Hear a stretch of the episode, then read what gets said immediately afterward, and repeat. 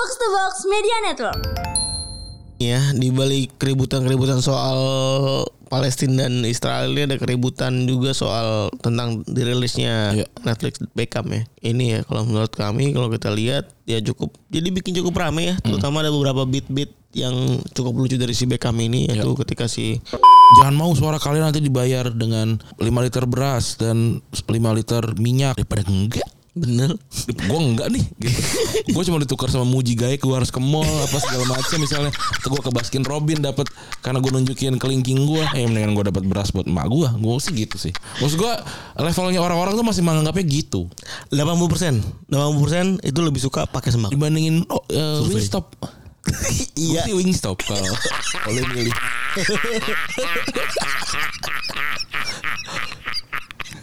Lucu banget.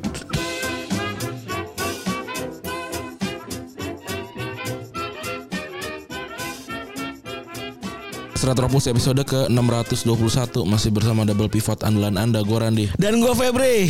Wah lagi-lagi nih kita lagi ngomongin dibungkam dibungkam kita dibungkam. Anjir udah Padahal gue pengen berapa, berapa menit? Udah 10 menit ya?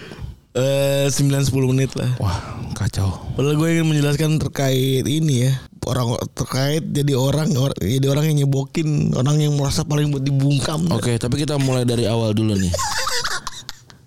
ah capek, capek juga nih ya. Melihat bagaimana politik. Ya ini belakangan politik kan lagi rame ya. Ya Gua- sudah musimnya memang itu. Iya lagi sedang musimnya. Kalau gue sih sedang tidak ngikutin karena lagi sibuk mengejar duniawi yang kalau menurut gue emang harus dikejar sendiri-sendiri.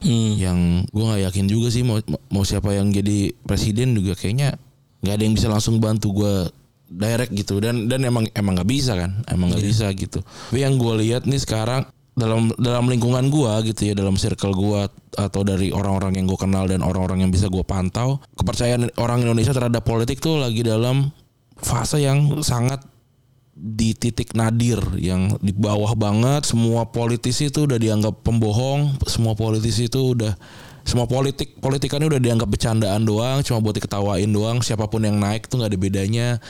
Dan gua rasa itu susah banget untuk diubah gitu. Dan gue juga nggak ngeliat ada pergerakan dari calon presiden ini untuk mencari cara gimana orang-orang ini bisa dikembalikan lagi kepercayaannya dan uh, bisa memilih mereka gitu. Karena susah banget dan gue yakin mendingan nyari opsi lain di luar sana gitu dibandingin harus memperbaiki kepercayaan orang-orang ini sih. Gue yakinnya segitunya. Dan tapi ini ya gue kayaknya bisa bilang pemenang dari politik tahun ini mungkin adalah tahun depan adalah golput sih Gue ngeliat itu eh, sebagai sebuah yang hal yang ya udahlah ya. Maksudnya kayak kayak lu tadi cerita soal golput itu orang udah pada kepercayaan publik udah pada enggak gitu ya.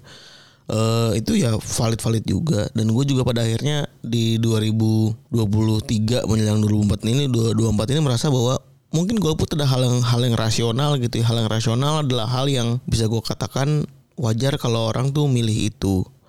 Tapi juga kan maksud gue pemilih itu banyak kan bukan kayak kita masalahnya ya. ya Ini masalah masalah juga loh gitu maksud gue kayak yang kayak kita berdua ini cuman atau tem lu pada yang dengerin ini gitu ya itu cuma 14% dari ya orang Indonesia gitu.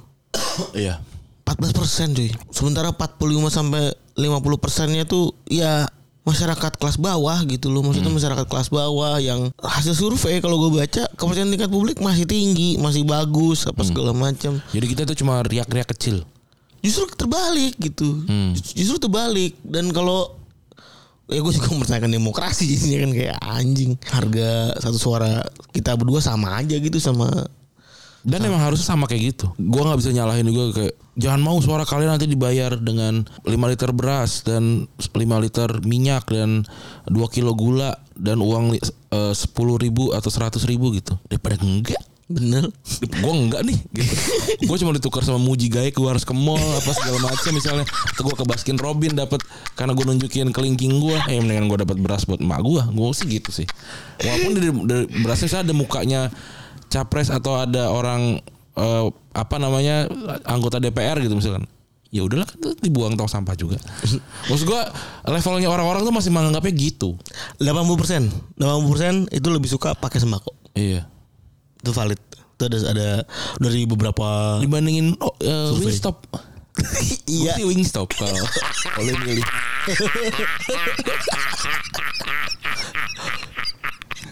Lucu banget.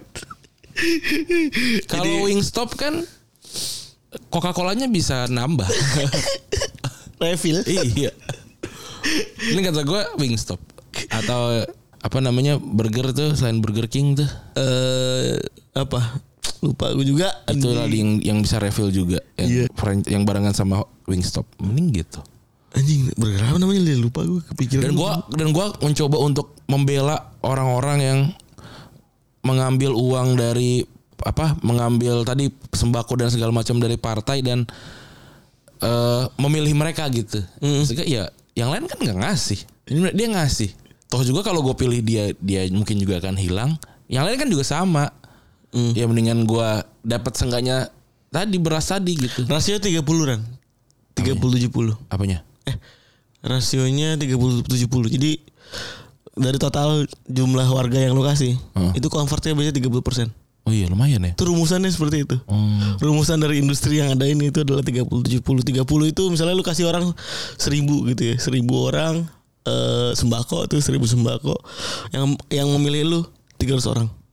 Hmm. Jadi kalau misalnya in, in that scale tinggal lu kali aja, tinggal lu kali aja dari berbagai macam jumlah populasi. tinggal timing kan orang kan kecenderungannya lupa kalau kelamaan banget dikasih. Bener. Jadi di mepet-mepet gitu. Bener. Dan kalau menurut gua makanya ya tolong ya Mama Mam Kila, Syarifa, terus juga eh, Kenzo, nama-nama tuh anak-anak kalian susah diingat.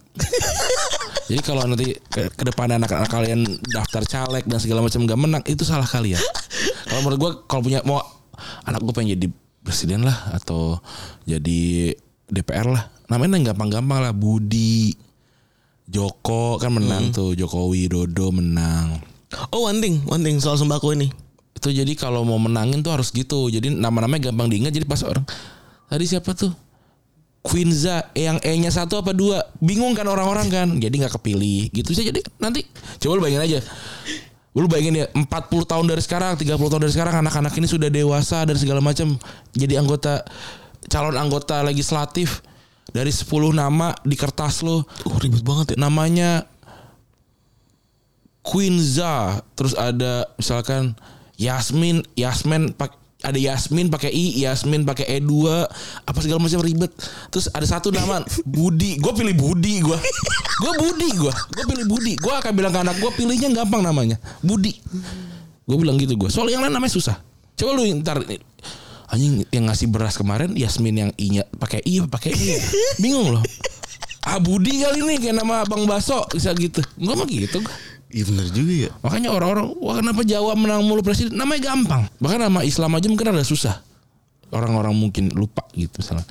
Kayak Pak Yusril Iza Mendra misalkan namanya panjang. Ini bisa milihnya Anis walaupun nama nama ini ya nama Arab ya. Anis ah gampang nih itu. Iya. Atau kayak dulu misalkan Joko Widodo gitu. Lawannya waktu itu siapa? Prabowo ya. Sama JK ya waktu itu enggak ya? Prabowo Hatta, ya Prabowo Hatta sama Prabowo Sandi. ya kan ah, Joko Joko aja lah gitu Oh, gue nggak nggak ya ngerti ngerti gue ngerti. nama gitu keren juga ya. gue emang gampang hebat Lu, lu selalu bisa ya mencari hal lucu dari. tim-tim gede aja yang yang kita dukung kan Barcelona namanya gampang coba yang lain susah Rayo Vallecano nggak akan gede nggak akan ke mana-mana itu namanya susah Aek Athens, Aek. sampai Tottenham Tottenham Hotspurnya kita kenalnya Spurs loh karena Tottenham tuh menurut tuh yang hurufnya double mana Tottenham Tottenham orang kan bisa apa kadang-kadang eh A-nya double, O-nya double ribet. Barcelona FC Barcelona, Real Madrid gampang. Manchester United gampang. Walaupun sekarang lagi drop. Juventus, nama-nama gampang lah pokoknya. One one sentence ya. Iya, kalau menurut gua nanti kalau emang lu punya anak pilih nama yang gampang lah. Keren. Tuh ditiru. Mm-mm. Gampang. Coba tadi kan Quinza susah kamu jadi anggota DPR, Nak. Eh tadi soal sembako ya, soal sembako. Ini ada pola unik sebenarnya di akhir tahun itu bakal ada APBN digunakan untuk sembako banyak banget. Jadi gue dapat laporan, ada gue dapat ini dari ketua BPK yang kemarin gitu ya. Ya.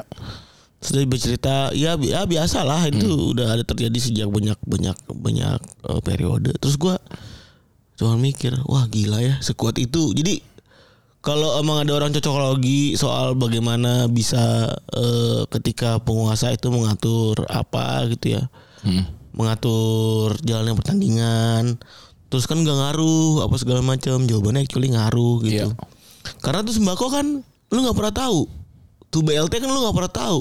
Tiba-tiba dikeluarin dalam bentuk apa namanya dalam bentuk wah, muka muka partai. Ya, iya kan? Kita nggak pernah tahu. Bener. implementasinya gimana? Atau yang kayak dulu kan yang Ganjar ngasih rumah tuh ingat gak sih? iya. Apa namanya zakat?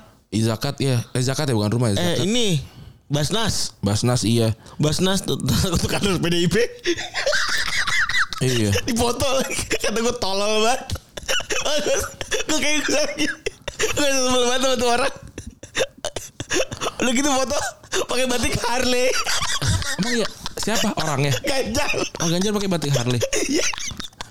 Batik Harley Davidson Bikin di lawean ya? lo tau kan batik batik yang logo klub bola tapi logonya gede bukan ada cilik-cilik gitu bukan ada cilik-cilik ini bener cuy di perut tapi gue tuh batik Harley siapa sih yang milihin gitu ya Allah pak pak siapa sih yang milihin gue sebel banget Usah ajak fashion stylist berarti ya dia. ya? Aduh elah Dia orang terdekatnya yang pada tolol apa gimana Iya. sih Orang-orang yang tiap hari nempel Iya. Terus eh nyambung sama pembahasan yaitu terkait satu orang eh, perempuan eh ini ya, perempuan ya kan sudah terkenal ternyata sim di dunia maya yang Tapi tuh emang tuh harus gua akuin ya Tamara Yolanda ini itu cantik banget sih emang tuh. Buset, cakep banget itu orang. Dan orang kaya banget gitu. Kelihatan kaya bapak ibunya, adik-adiknya tuh kepada kelihatan kaya banget. Dan ternyata nyalon ya. gue tuh nggak tahu gue tuh nggak tahu Run kalau ini adalah perempuan yang lu pada tahu karena tweet gue mata tem mata tehmi gue tahu nah namanya Tamara Yolanda di Instagram Ya kan Baby Z juga namanya Sri Muryati. Dalam kurung Baby Z atau Uya Kuya namanya Surya Surya siapa gitu. Iya. Dalam kurung Uya Kuya kan nama namanya masih pada nggak tahu. Asli. Enggak, yang si siapa namanya Mata Temi itu gue uhat sering lokit ya kan tadi gue geser ke Instagram eh, Yolanda itu kan. Hmm. Nah itu pernah ada permintaan tolong gitu lah bantu apa segala macem.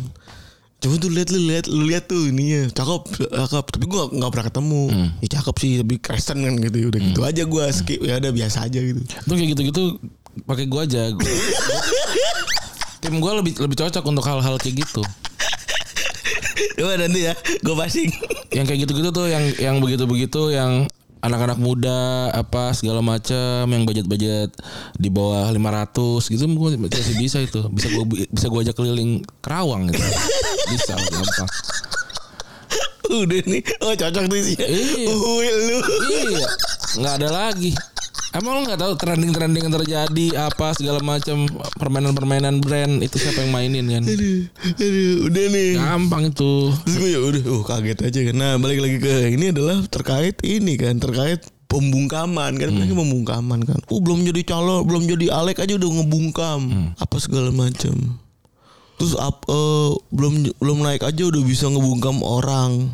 Lah lu lihat dulu ya kritik gimana gitu. Mm-mm.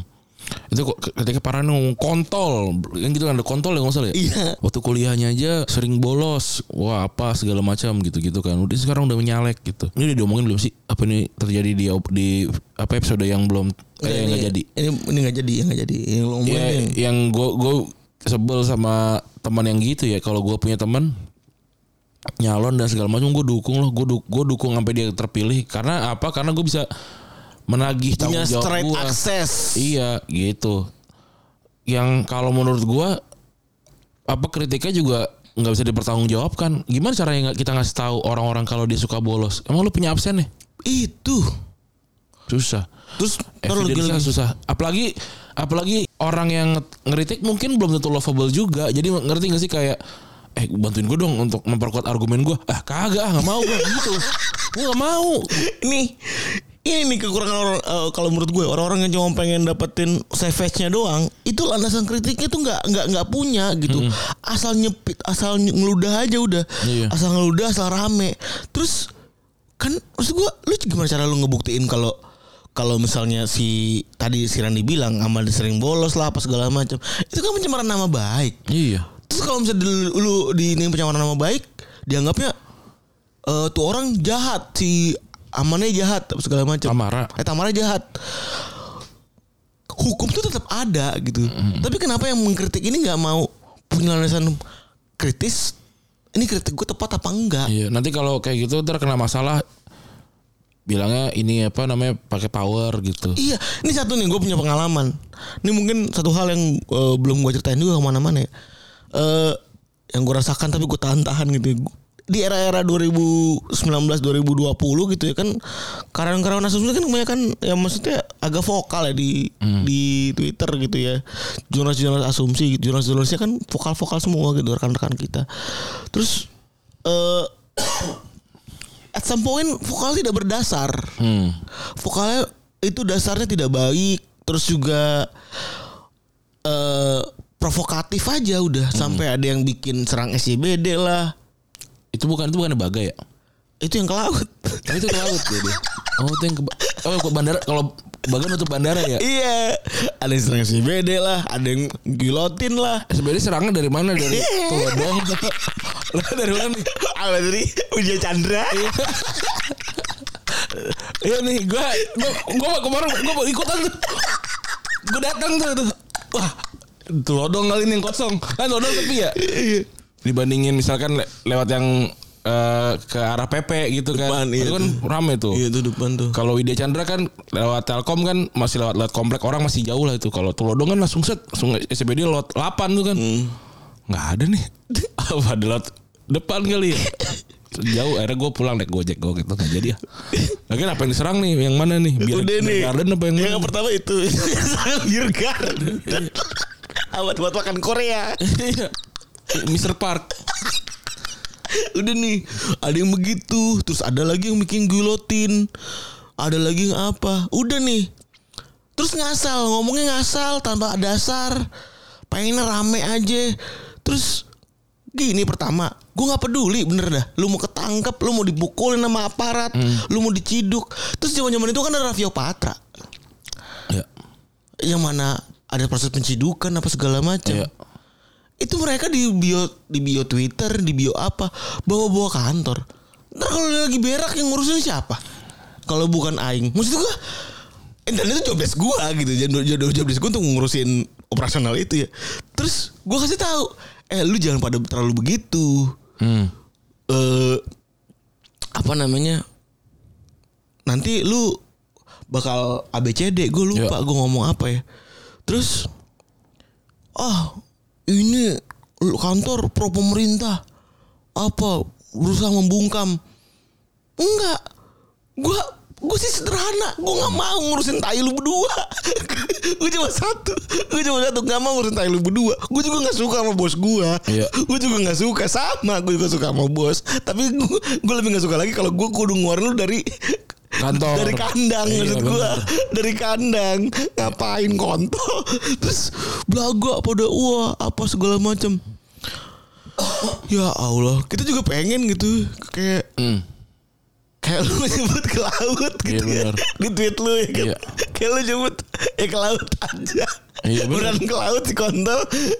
Maksud gue terus juga sekarang yang si kiri banget itu jadi musisi juga kata gue ini please lah kalau emang mau kritik penyelesaian pikir yang baik gitu Iya makanya. Gue even kemarin cuman nge-tweet satu hal. Karena gue kan sekarang eh, condong untuk tidak memilih Prabowo ya misalnya ya. Gue nge-tweet satu hal gitu. Anies, Ganjar atau Golput. Iya. Gue aja merasa ada lobang di situ Ran. Yang mana bisa digoreng sama orang. Betul. Golput itu kan apa me- me- mempromosikan golput setahu gue malah jadi salah kan. Iya. Bisa dipidana lah apa segala macam. Nah itu yang maksud gue perlu diperhatikan sama teman-teman yang memang mau vokal. Ini kebanyakan kayak contohnya orang-orang yang membungkam ini itu nggak nggak nggak memperhatikan ini gue valid secara hukum atau enggak. Ya. Ini negara hukum loh maksud gue. Perlu diperhatikan juga gitu. Jangan asal wah wah wah wah. Yang penting RT-nya rame. Yang penting RT-nya keberanian keberanian. Kagak begitu gitu. Makanya. Kalau lu bandingin sama Baga, Baga itu anaknya pas pampres. Iya. Anaknya Provos, anaknya Setnek di zaman era Gus Dur sama Soeharto. Lau sok apa ada?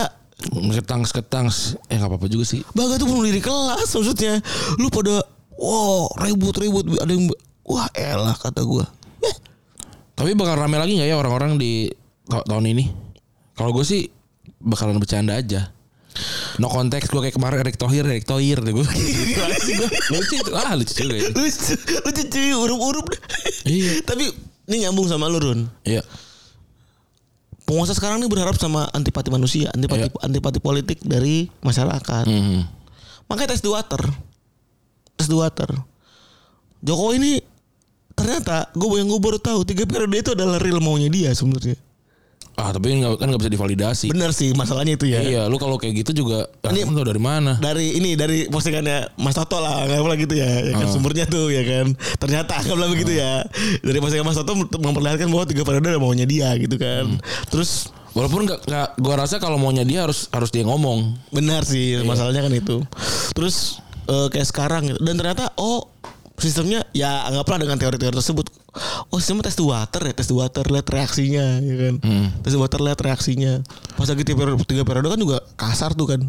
Kalau kalau yang gue lihat kan juga setelah ini ya set- setelah eh berapa tahun ya mungkin tahun ke 8 tahun ke 9 ini kan tahun ke 9 ya Pak Jokowi juga udah udah nggak favorit lagi kayak dulu gitu Oh, udah, iya. udah ngeliat kayak ah ini dia ternyata butuh 8 tahun 9 tahun untuk dia jadi benar-benar politisi yang nggak disukai orang gitu. Kan tadi kan jadi kayak ih dia tuh masih kita gitu. Dia adalah kita. Gue tuh gue masih merasa kenapa gue pilih dia karena dia dekat sama gue Relate ya. relate. Ma- orang biasa apa segala macam. Ya ya lu 8 tahun berkembang lah. Gue juga 8 tahun lalu ke mana sih gitu. Oke oke. pas sekarang kayak ah dia udah bukan kita lagi. Banyak orang yang merasa gitu ya apa pun yang dilakukan sekarang adalah politisi lagi men- mengamankan hidupnya gitu. Ketika kemarin MK dengan itu adalah apa eh, keluarga juga yang yang menentukan dan apalah segala macam segala macam yang orang mau bilang enggak kok enggak enggak enggak ada enggak ada kepentingan di sini apa segala macam. Gua aja milih volunteer aja ngeliat lah ini ada Kenal lebih ada, kenal. ada gua kenal nih gitu oh ini ada ada kenalannya si ini nih gitu ada eh bang nih ada orang nama ini nggak itu teman gua tuh gitu ah mendingan gue dia aja gitu saya gua bukannya berarti gua nepotisme dan segala macam kalau misalkan terjadi apa-apa gue bisa nyari eh ini kan teman lu tanggung jawab dong tanggung jawab juga dong Iya. gitu masih ada gitunya Halo Adis, eh lu tahu rumahnya nggak? Iya. Ada, ada pikiran kayak gitu kan. Jadi pas gua ini juga orang-orang orang-orang mencoba untuk bilang tidak apa dan segala macam. Tapi Terlalu tapi semua orang udah setuju sih kalau itu memang emang ada memang ada ada apa Kepentingan- namanya ada kepentingan tertentu gitu. Cuma ya lagi-lagi nggak bisa dibilang karena nggak valida nggak ada validnya gitu. Apa apa yang mereka ngomong. Dan waktu itu kejadian gua percaya gua percaya sekali soal soal apa ya? Soal kebetulan. Tapi gue percaya sekali kebetulan ses- adalah sesuatu yang bisa gue setting. Anjing. eh banyak banyak eh, evolusionis atau orang-orang yang yang percaya sama ev- evolusi dan dan teori-teorinya percaya evolusi itu adalah sebuah eh kebetulan yang luar biasa. Gimana caranya ada ada dari dari dari makhluk satu sel jadi dua sel berubah dan segala macam.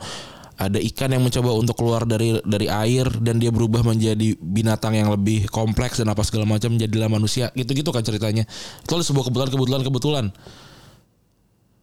Ketika itu pengumuman terjadi, Pak Jokowi ada di luar negeri apa dan segala macam. Kebetulan dong Bener. yang, yang orang-orang bilang masa sih kebetulan ya kan tentu saja kan secara jadwal apa segala macam itu kan bukan yang kayak eh besok nongkrong yuk nggak gitu kan Iya. yang jadinya beliau harus ngasih pengumuman via Instagram apa segala macam ditanyanya sih silakan tanya balik gitu-gitu. Itu kan emang emang kebetulan yang dikebetul dikebetul dikebetulankan gitu loh. Menurut gue ya menarik menarik aja. Menurut gue seru-seru aja untuk untuk kayak gitu. Untuk untuk menebak-nebak apa segala macam gitu. Toh juga nggak ada hukum yang dilanggar kok. Iya. orang ya waj- orang wajar untuk menggugat orang MK wajar untuk tidak tidak menerima MK wajar untuk men- menerima juga. Yang pas gue liat orang yang menggugat mirip Pak Jokowi awal-awal gitu ya. Tapi ternyata oh enggak deh lebih ganteng Pak Jokowi gitu. Eh apa ya gue kadang tuh gue gue malesnya kalau kayak walaupun ini cuma di kepala gue doang ya kayak ah kita menang loh gitu yang aduh lu tuh nggak menang gue tuh tahu gitu Ke, kebaca gitu loh Yang mana tuh? Oh yang ya hal-hal kayak gini-gini iya. yang maksudnya hal-hal hal-hal di- ketika lolos gitu. bukan semua semua hal di semua hal gitu yang kayak orang kayak sering kayak lu mungkin kayak misalnya ngakalin gua gitu kayak haha gua gua hebat gua bisa ngakalin dia gitu padahal di dalam dalam gua tuh gua bilang lu tuh nggak lu tuh nggak menang gua tuh tahu cuma gua iyain aja gitu loh karena gua nggak bisa apa-apa juga Oh. Gitu Emang enggak lu bukan lu bukan kalah tapi lu nggak memilih untuk masuk pertandingan kan gitu aja. iya ka- kalau gua tapi kalau gua gua sih nggak akan protes selama itu hukumnya memang bener ada gitu ada dan tidak dilanggar Ke- Sebenarnya kalau ngomongin hukum itu dilanggar atau enggak, ini ada beberapa yang aneh sebenarnya kalau ngomongin soal itu. Pertama dari segi waktu, poin yang kedua adalah dari segi MK itu tidak memutuskan PKPU kan. Hmm. MK tidak memutuskan peraturan peraturan KPU, peraturan si si apa namanya si si siapa? Si undang-undang, si pemilu, undang-undang pemilu. Terus tiba-tiba KPU wajib untuk mengimplementasikan aturan tersebut dari MK. Padahal idealnya peraturan peraturan pemilu baru itu harus di, dibicarakan dengan DPR, DPR RI Ya. gitu. Dan itu tuh ada pelangkah-pelangkahan Ya, gitu. ya, Ini sebenarnya sesuatu yang sempat disebutkan sama Prof Yusril Ihza Mahendra kemarin iya iya merasa bahwa oh ini ada keanehan, ada keanehan satu, ada keanehan dua, ada keanehan Iya. tiga gitu. Selain juga eh, kebetulan yang disengaja itu ya gitu. Terus juga dari segi rasio iya 8 dari 10 menggugat itu ada hubungannya sama Prabowo dan Gibran. Hmm. Dari mulai dua orang. Gue sebenarnya sempat positive thinking. Tapi kalau menurut gua kalau nggak ada hubungannya ya nggak akan digugat. Ngapain dia gugat kalau nggak ada hubungannya? Ini kan mereka selalu bertameng dengan anak muda-anak muda kan. Iya. Terus maksud gue enggak mereka bertameng dengan Maksud anak gua, muda. maksud gua gini.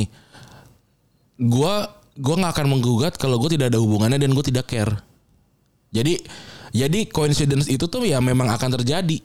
Iya. Iya, jadi maksudnya ya ya itu bukan sesuatu yang bisa dibahas kalau menurut gua. Nah, cuman banyak orang-orang yang kayak ngerasa, wah ini kan demi anak muda apa apa. Ini kan agenda lawannya, agenda agenda berlawanannya yang sedang disuarakan oleh Bazar MK ini kan adalah ini untuk anak muda, siapakah umur umur 37 segala macam segala macam. Ya, ini kepentingannya emang ada gitu. Pasti. Kalau nggak penting mah nggak bakal dilakukan. Iya, kepentingan memang ada. Dan tapi wajar nih misalnya gue kayak yang penting Randi maju gitu kan. Ya gue pasti akan mengaj- mengajukan gitu. Iya. Gue juga pasti akan melakukan hal yang sama seperti Iya. seperti orang-orang partai ini. Dan tentu saja lu akan menyelimuti itu dengan bilang enggak ini demi ini, ini demi perkembangan dan ini demi kemajuan politik dong. Iya, gitu, iya maksudnya kayak maksudnya kenapa jadi pembahasan gitu ya? Orang, Dan- orang iya kok gitu loh. dan dan balik lagi Ran. Orang-orang yang ini, ini merasa menang gitu. Iya. Padahal ya udah gue gue gue ya gue merasa wah lu merasa menang. Padahal mah yang ya yang emang kita nggak ikut ikutan aja kan gitu. Iya. Terus kalau di udah kali itu doang kali ya. Iya. Yang rame di ini udah mulai bahas politik. Gue nggak tahu ya ke depan semoga ada karena gue yakin eh, hit politik akan semakin Iya. memanas. Semoga ke depannya masih ada bahasan-bahasan non politik sehingga kita masih bisa nyempil-nyempilin ya. Kalau gue sih nggak mau ngebahas politik kebanyakan karena Bener, bener. menurut gue politik tuh berulang gitu-gitu aja dan kalau nggak lucu nggak dibahas. Menurut gue gitu sih. Iya, kayak buru-buru sih nyetak jadi to- toir. iya. Kalau menurut gue menurut gue nggak nggak gimana-gimana jadinya. gitu. Terus eh di sepak bola ya, di sepak bola itu ada beberapa pemain yang nyuarain pro-nya terhadap Palestina namun habis itu dihukum ada nama Anwar El Ghazi dilepas sama Mainz perkara hukum Palestina ada Mazraoui Bayern juga malah kena hukuman dan ternyata cukup powerful adalah pernyataan Mo Salah ya yang cukup ramai juga tuh Tidak Panjang ada- tuh, panjang banget masalah. bagus Kalau menurut gue wajar sih. eh apa namanya orang orang-orang ini apa ya mengungkapkan itu. Terus wajar nggak si klub klub ini melakukan hal itu? semua semuanya tuh punya Stance. punya stance masing-masing gitu yang menurut gue nggak bisa untuk digoyah gitu. Mungkin buat klub itu falsafah itu lebih lebih besar dari daripada apa pun gitu. Jadi ya ya inilah yang terjadi gitu. Tapi kan nanti akan jadi akan bergulir ke ke ke semuanya yang kayak "E- emang bener ya lu dukung kemanusiaan. Atau emang lu emang emang dukung kemanusiaan yang relate sama lu doang gitu. Ya wajar pasti orang bakalan bakalan ngomong kayak gitu. Dan eh soal soal keributan Palestina sama Israel gue sampai ah, udah sampai capek kayak gue ngomong harus gua keributan Israel sama Hamas. Udah gue ribet. Langsung aja Palestina sama Israel terus ada hubungan ada hubungan sama masa lalu hubungan sama agama dan apa segala macam. Ini memang tidak se, se, se- itu untuk dijelaskan. Emang nggak simpel. Tapi menurut gue banyak banget jadi layer-layer yang dibikin yang dibikin sehingga kita jadi jadi ketemu sama kayak jangan ya jangan jangan bilang kalau ini adalah soal soal eh, Pales- Palestina dan Israel penjajahan. Tidak ada hubungan sama agama gitu. Menurut gue menurut gue ya ya jahat jahat aja gitu. Dan ini kita semua harusnya setuju sih ini soal kejahatan yang ada orang punya punya punya tanah. Tanahnya diambil gitu. Simpelnya itu gitu. Perkara perkara soal masa lalu dan apa segala macam. Ini ini ta- tanah aslinya tanah orang Israel apa dan segala macam gitu kalau kayak gitu berarti kita nginjek tanahnya Majapahit misalnya. Gue nggak tahu juga sih apakah apple to apple gitu misalnya. Tapi kan mereka juga udah nggak ada gitu. Gue juga nggak tahu ya. Ah, misalkan tiba-tiba ada ada kan Majapahit kan katanya sampai Filipina dan segala macam tiba-tiba dia datang ke sini.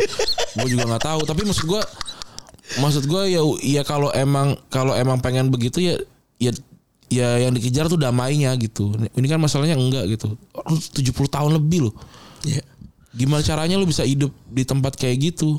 Nih gue eh jujur mendukung eh, omongan Randi apa pun omongan Randi terkait ini karena untuk mendapatkan sebuah kesimpulan tadi ya jahat mah jahat aja gitu nggak perlu bikin layer-layer gitu. Iya. karena pada intinya jahat mah jahat aja. Iya. itu gue pernah ketemu rekaman Randi lagi nontonin asal muasal Hamas. Iya. Jadi untuk membuat sebuah kesimpulan yang amat sangat sederhana itu ya gue ba- baca dan nonton banyak hal. Jadi gue merasa ya ya udah gitu. Dan gue butuh itu dan gue butuh diyakinkan oleh itu. Iya iya emang emang gue gue merasa eh, Terus, serunya nih lu bilang tadi dibikin layer dibikin layer dibikin layer itu kan kayak agenda setting memang ya dibikin layer lu lu mah nggak tahu sih dulu begini segala macam. Eh ntar dulu lu mah harusnya taunya ini dong gitu kan. Sebenarnya lebih ke sisi-sisi yang lain yang diambil. Kan kita kita sering bahas juga orang buta kalau lihat lihat ular tuh bisa bisa jadi dia bilang ah, ini mah eh lihat gajah tuh bisa jadi nganggap banyak hal. Pegang belalainya ah ini mah ular nih kayak eh, panjang aja ininya pas lihat pas pegang telinganya oh gajah itu pipih ya?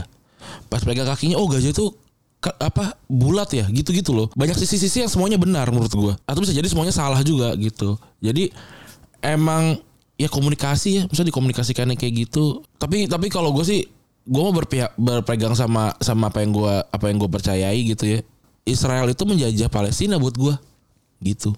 Wah, terserah terserah urusan kayak ini tentang politik ini tentang apa dan segala macam. Tiap hari ada orang mati terus kemarin diserang balik gitu ya terus mati dan dan rame dan semua dunia jadi gila karena itu. Terus mendinai apa yang terjadi sebelumnya menurut gua tidak adil gitu.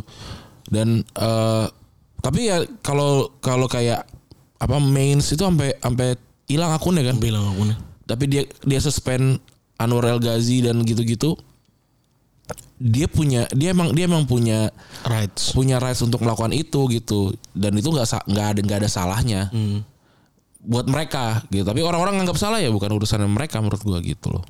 Bener hidup ini tidak mulai soal benar salah masalahnya. Iya hidup ini bukan tentang benar tapi salah. apa stance lu tuh apa sebenarnya? Lu tuh menyampaikan apa sih? Stance lu bener. tuh apa gitu? Bener. Gal Gadot apa setiap hari upload ada orang hilang dan apa segala macam orang Israel hilang. Menurut gue tuh dia benar. iya Jangan berarti kayak lu lu kok kayak gini. Lihat dong orang-orang Palestina yang udah meninggal gitu. Buat buat Gal, Gal Gadot yang penting adalah orang Israel. Jadi sebenarnya yang paling penting adalah mencari tahunya itu dulu. Proses, Iya lu harus tahu dulu. proses mencari tahunya dulu sebelum bisa menyimpulkan. Itu yang paling penting sebenarnya. Kalau misalnya udah ngerasain gitu, gua amat sangat pro orang Bekasi karena gua orang Bekasi ya. Gua kan sah-sah aja bilang Bekasi apa dan lain-lain. Ya, gua akan memperjuangkan itu gitu. Betul. Kalau Sementara tapi orang Jakarta bilang Bekasi tuh planet jauh banget ya udah bukan salah bukan salah benar balik lagi. ini gue contohin lagi. Indonesia ngejajah eh Indonesia dijajah sama Belanda 350 tahun. Banyak yang bilang enggak itu nggak menjajah sampai 350 tahun itu kan VOC dan apa segala macam. Tapi kan VOC juga jahat ya. Terus ada orang menganggap itu menjajah ya sah-sah aja. Tapi ada orang yang bilang menjajahnya secara secara benar dari negara ini cuma sekian tahun gitu misalnya. Terus in- apa kekejaman apa segala macam terjadi benar. Tapi kalau bilang Indonesia juga kejam kok. In, tahu nggak ada masa persiapan tahun 4647 atau ada pembantaian Westerling dan segala macam. Bener ada. Tapi tidak membuat Belanda tidak jahat. Gua gua mukul lo, terus lu mukul lu balik. Eh terus lu mukul gua balik. Terus gua bilang Febri mukul gua. Bener nggak bener? Tapi tidak mendi- tidak tidak menghilangi menghilangi cerita kalau gua mukul lu duluan. Semua narasi kan bisa dibentuk gitu ya. Lagi Maksudnya orang, orang buta megang gajah lah. Iya orang buta megang gajah gitu. Semua narasi bisa di- bisa, dibentuk gitu. Eh ya makanya makin lama makin gue baca yang kita tentang sejarah Indonesia, oh gue gue jadi tahu ada apa namanya orang eh, Belanda kayak sini dan apa segala macam. Terus ada ternyata, ternyata oh Indonesia juga ada ada pembalasan yang masa persiapan dan ada pembantaian eh, apa namanya ada ada ada ada serangan serangan lain juga yang menyebabkan keturunannya Belanda dibantai apa segala macam gitu. Itu mah benar itu itu itu benar adanya tapi tidak tidak mendinai tentang kesalahannya Belanda menurut gua gitu jadinya jadi jangan kayak wah Indonesia juga jahat jadi seakan-akan kalau kalau Indonesia jahat wajar Belanda nyerang Indonesia 350 tahun ya enggak lah Hmm. terus kayak eh, Anyar Panarukan gitu misalkan ada uangnya apa namanya tapi cuma dikorupsi sama Bupati. bupati dan segala macam lah kalau gua nggak mau kerja ya lu jangan kerja gua kerja bikin bangun bikin jalan dong Iya enggak Hmm. benar dikorupsi tapi tidak mendinai juga kalau ada orang disuruh kerja paksa Iya. maksa kerja deh minimal bukan kerja paksa deh Maksa nanam. iya kult kultur stelsel Hmm, maksa nanam juga tuh kan. Iya. ada. Lah gue gak mau nanam ini kok. Orang gue di harvest sebenarnya gue boleh nanam lobak bebas. Gue nanam kacang bebas terserah gue Bukan nggak nggak harus nanam singkong. nah itu kan artinya kan ada ada hak yang harusnya lu boleh memilih jadi tidak memilih. Ya menurut gue tetap salah dong. Iya, ternyata penjajahan ya. orang gue nggak mau di Anyar Panarukan kok gitu. Gue nggak mau nggak mau bikin jalan di situ kok. Gue mau yang lain dibayar kok gitu. Misalkan ya bukan urusan dibayar. Ini kan gue nggak mau gitu tidak menilai itunya lah gitu. Kan kadang-kadang kan jadi bias kan jadi dibiaskan dengan kayak bukan "Eh, ini kok bukan kerja paksa kok ada duitnya tapi dikorupsi dan segala macam. Kan jadi oh ternyata Belanda baik ya? Enggak. Kalau gue rasa ini juga pada akhirnya ada sebuah gerakan namanya desukur desukarnoisasi namanya. apaan tuh? Emang ada hubungannya sama ini? Iya, itu jadi me- apa namanya yang dulu tuh dibongkar-bongkar semua. Hmm. Seolah-olah tuh dulu tuh nggak heroik, dulu tuh nggak, lu tuh busuk, Oh. busuk semua. Eh, Actually lu busuk aja gitu, Hmm. gitu. Actually lu busuk aja dan pangkal masalah kan ada di Soekarno kan. Lu lihat aja, eh, misalnya pangkal masalah di Soekarno gitu. Berjingan dari situ. Hmm. Ya itu yang gue denger aja. Hmm. Hmm. Cocokologi cocokologi yang gue denger aja. Balik teori-teori dan cocokologi yang gue denger aja tuh. Hmm. ya kalau gue sih stance gue Palestina lah. No, no issue ya. Tapi kalau ditanya kenapa emang ada hubungannya sama aga- agama yang lu anut nggak ada? Adalah. Ah, ada lah. Kalau nggak usah diumut-umutin enggak gini gini enggak emang ada. Emang ada kok gitu. Tapi tapi eh kalau ada orang jadi nggak suka ya ya wajar gitu. Tapi kalau gue cuma bilang enggak ini ten- tentang human apa namanya humanisme aja enggak juga buat gue. Jujur aja lah. gue gue juga tidak sebesar itu. Enak ya. Ya gue juga maksudnya seneng juga. Eh kayak tadi lu, gue tuh nunggu sebenarnya lu apa sih yang mau simpulkan dari Hamas ini gitu kan? Yang lu nah, itu gue datang lu nonton Hamas terus thumbnailnya gede di TV gitu. Oh ternyata lu punya kesimpulan sebenarnya ah, apa sih anjing-anjing ini barang. Kagak, gue tuh emang terbiasa untuk nonton nonton dan baca hal-hal yang sedang terjadi yang yang berulang gini loh. Nah ini gue emang kan kita sering bahas juga kan soal-soal Iya, kayak paling tinggal nonton murajaah lagi Iya. ya kan. Terus eh ada ini ya di balik keributan-keributan soal Palestina dan Israel ini ada keributan juga soal tentang dirilisnya Iya. Netflix Beckham ya. Ini ya kalau menurut kami kalau kita lihat ya cukup jadi bikin cukup rame ya. Terutama ada beberapa beat-beat yang cukup lucu dari si Beckham ini yaitu ketika si Victoria misalnya nganggap dirinya kelas pekerja keluarganya padahal mobilnya Bentley gitu ya. Dan lagi-lagi take point gue terkait film ini only gitu ya adalah eh arsip. Apa arsip apa? arsip. Oh, bapaknya bapaknya Beckham tuh lengkap banget ya arsipnya. ka- kakeknya ternyata. Kakeknya ya. kakeknya. Kayak in in in every eh, apa namanya? Di tiap-tiap koran di tiap-tiap apa namanya? Di tiap-tiap eh, penampilan Beckham itu Ya. semuanya ada gitu jadi ya itu dan salah satu yang gua ngeliat banget tensnya adalah yang selama ini jadi jadi pertanyaan adalah Ya.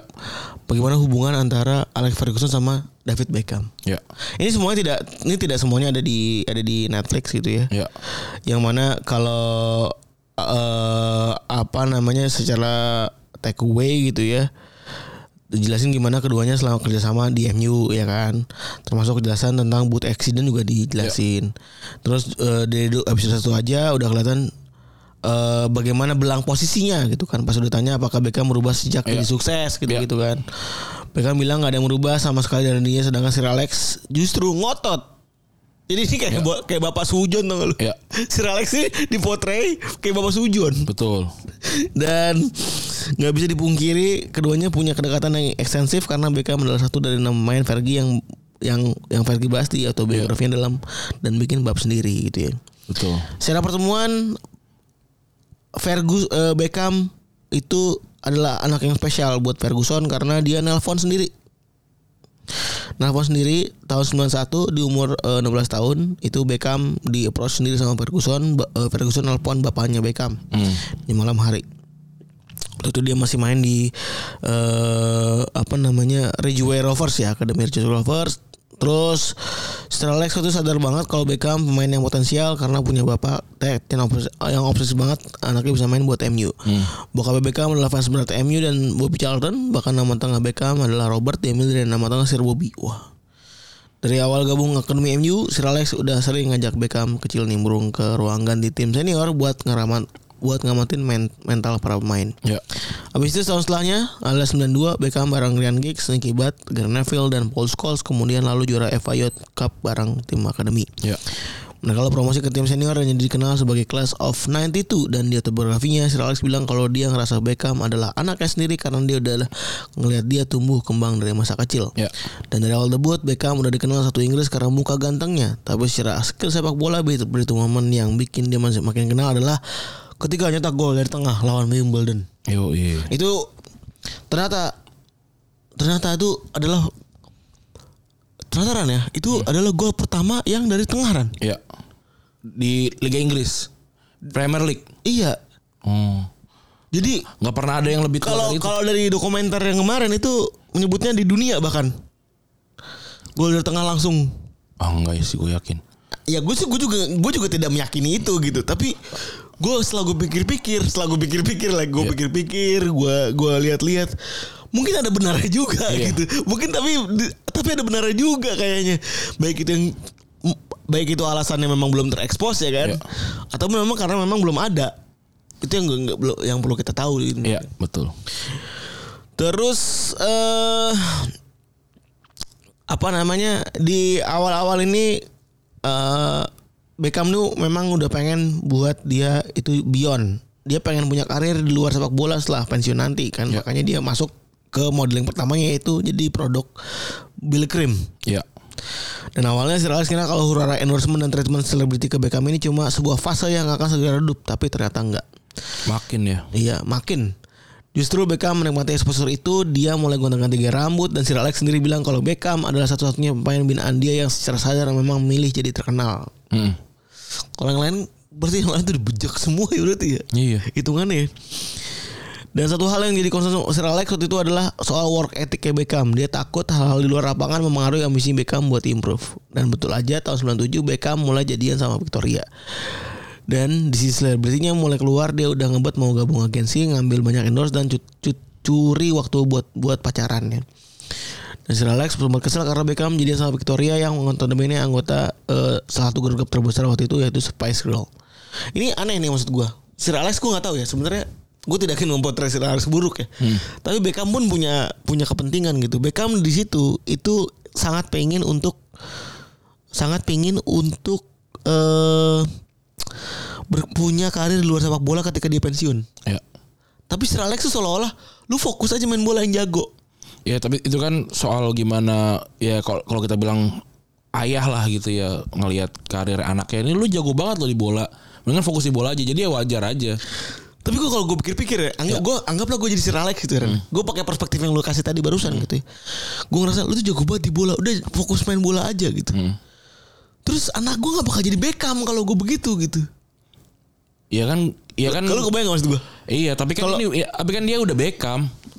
Ya misalnya anak gue berbakat ya kan punya bakat yang dua ada dia di antara dua pilihan lah jago di, di A tapi juga jago di B. Nah gitu. pertanyaan gue selanjutnya anak lu tuh nggak mau nggak mau main bola tapi fokus yang lainnya apa? Dia dia sukanya apa? Kalau suka sukanya pacaran sama girl band ya sih gue juga nggak nggak setuju. Hmm. Kan Sir Alex yang ngeliatnya gitu, bukan cuma lu fokus sama main bola ya, tapi gue ngeliat lu nggak jadi nggak fokus kalau lu pacaran sama girl band ini gitu loh. Ya ya oh si Spice-nya itu ya. Hmm. Cuma ya kan itu kan berarti kan suzon, tapi kan tapi maksudnya kan Tapi balik lagi Beckham Beckham ngambil si gajah si apa orang gaj- orang buta megang gajah ini ya iya mungkin ya. dalam mempotret dirinya sendiri. Iya dan Sir Alex Ferguson kan dia pemain bola juga jadi mungkin dia udah pernah lihat keruntuhan keruntuhan pemain sepak bola yang kayak gitu dan dia nggak mau itu. Ya walaupun tetap aja kan ini kan hidupnya Beckham. Pada akhirnya kan Beckham menjalani hidupnya dan untungnya sukses-sukses juga. Iya.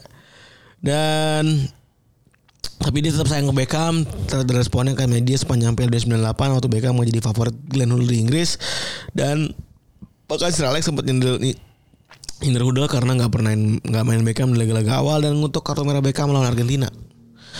Setelah itu dari kartu merah itu Inggris kalah dari- dan Beckham mengalami banyak banget hal buruk karena dijadiin kambing hitam. Wah ini udah dari at the peak of his ini ya era ya sebenarnya.